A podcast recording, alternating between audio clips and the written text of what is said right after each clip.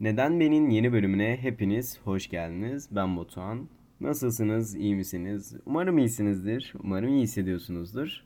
Bu hafta içimizdeki çocuk hakkında konuşmak istiyorum. Hayatın bir noktadan sonra renksiz ve eskisi gibi olmadığını hissetmişizdir illaki. Ve bu öyle bir an ki sanki bir önceki gece çocuktuk da bir sonraki gün ise direkt yetişkin olduk. Bu çok kötü bir his cidden. Düşündükçe de aşırı kötü hissediyorum. Küçükken bütün benliğimizi kaplayan yaş ilerledikçe benliğin altlarına yani alt benliğe doğru yerleşen bir olgu bu aslında bu hissedilen duygu. Ve buna örnek verecek olursak işte filmde Superman misali bir şey gördüğünde, uçan bir şey gördüğünde şaşırmayıp uçabileceğini düşünebilen, sonsuz hayal gücüne sahip çocukluk aslında bir umuttur bizim gözümüzde veya benim gözümde. Ve içimizdeki çocuğu öldürdüğümüzde bütün umutlarımızı da öldürmüş oluyoruz farkında olmadan. İşte bazıları der hayat şartları öldürdü bu umutları. Ya tamam derdin büyüğü küçüğü olmaz ama hangi yetişkin hayattan bir çocuğun dünyaya bakıp da aldığı zevki ve mutluluğu alabilir ki? Yani içilen en kaliteli şarap meyve suyunun veya dondurmanın yerini tutabilir mi? Veya binilen araba sahip olunan ilk bisikletin yerini doldurabilir mi? İçimizdeki çocuğun aslında yaşlanmasına izin verilmemeli. Yani çocukluğumuzdan elde kalan tek şey o. Bu da böyle bilinmeli bence. Ve bu son dönemlerde maksadı aşılarak kullanılan bir terim. Bir kesim saflığın, haylazlığın ötesinde bir şeyleri ifade etmek için kullanıyor bu terimi. Mutsuz musunuz? Eşiniz, dostunuzda sorununuz mu var? Veya çok mu karamsarsınız? Çok mu içe kapanıksınız? O zaman sizi içinizdeki çocukla tanışmak için bir fırsat tanıyorum. Gidin içinizdeki çocukla tanışın. Ve derdinize, tasanıza bir son verin. Ancak şunu da belirtmem gerekiyor. Bunu söyleyen insanlar karşılarındakini kafalamak adına kullanmıyorlar bu geyiği. Yani kendileri de inanıyorlar. Kendi gözlerimle de şahit oldum buna. Birkaç yıl önce yaşanan bir olay bu.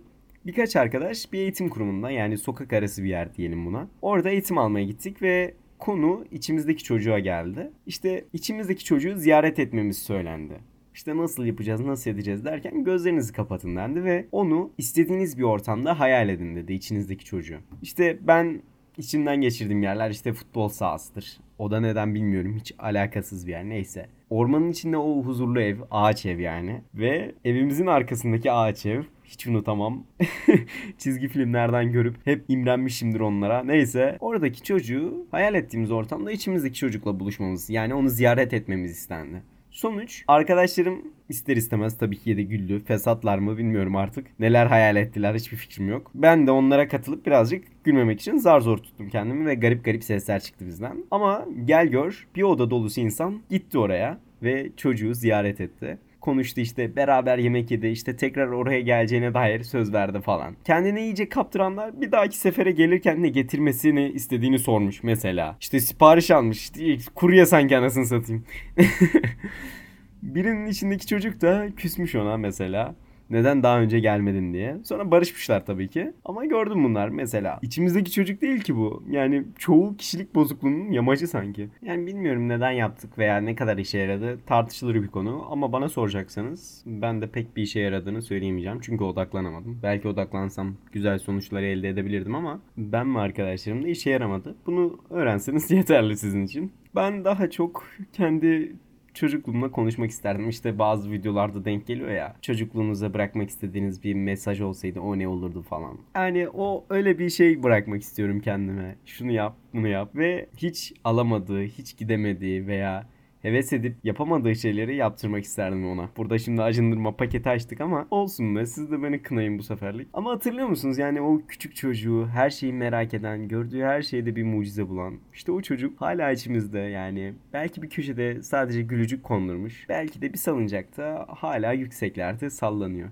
Nereden bildiğimi sormayın sakın. Ya hatırlayın bir günün ne kadar heyecan verici olduğunu düşündüğümüz o zamanlar. Mesela bir kar tanesi ilk defa avucumuza düştüğündeki o şaşkınlık, yağmur yağdığında oluşan su birikintileriyle oynarken hissettiğimiz o huzur, eğlence. Ya işte o anlar içimizdeki çocuğun hatırlattığı anlardır. Hayat bazen bize koşuşturmacalarla dolu gibi görünse de içimizdeki çocuk her anın bir değeri olduğunu, her anın bir keşif olabileceğini bize hatırlatır. Yani İşte büyüklerimiz der ya bu yüzden içindeki çocuğu asla öldürme, kaybetme. Ama öyle bir anlar vardır ki kapana kısılmış gibi hissederiz. O anlarda şu örnekten yola çıkabiliriz. İlk defa bisiklete bindiğimizde o özgürlük duygusunu, işte o içimizdeki çocuk o duyguyu asla kaybetmez. Hayatın rutinlerine kapıldığımızda işte o zaman içimizdeki çocuk bize hala özgürlüğü ve macerayı yaşayabileceğimizi fısıldar. İşte o anlarda ne oluyor tam biliyor musunuz? Böyle yaşadığınızı hissettiğiniz anlar. Hayatın daha bir renkli, daha bir zevkli, yaşanılabilir hissettiği anlar.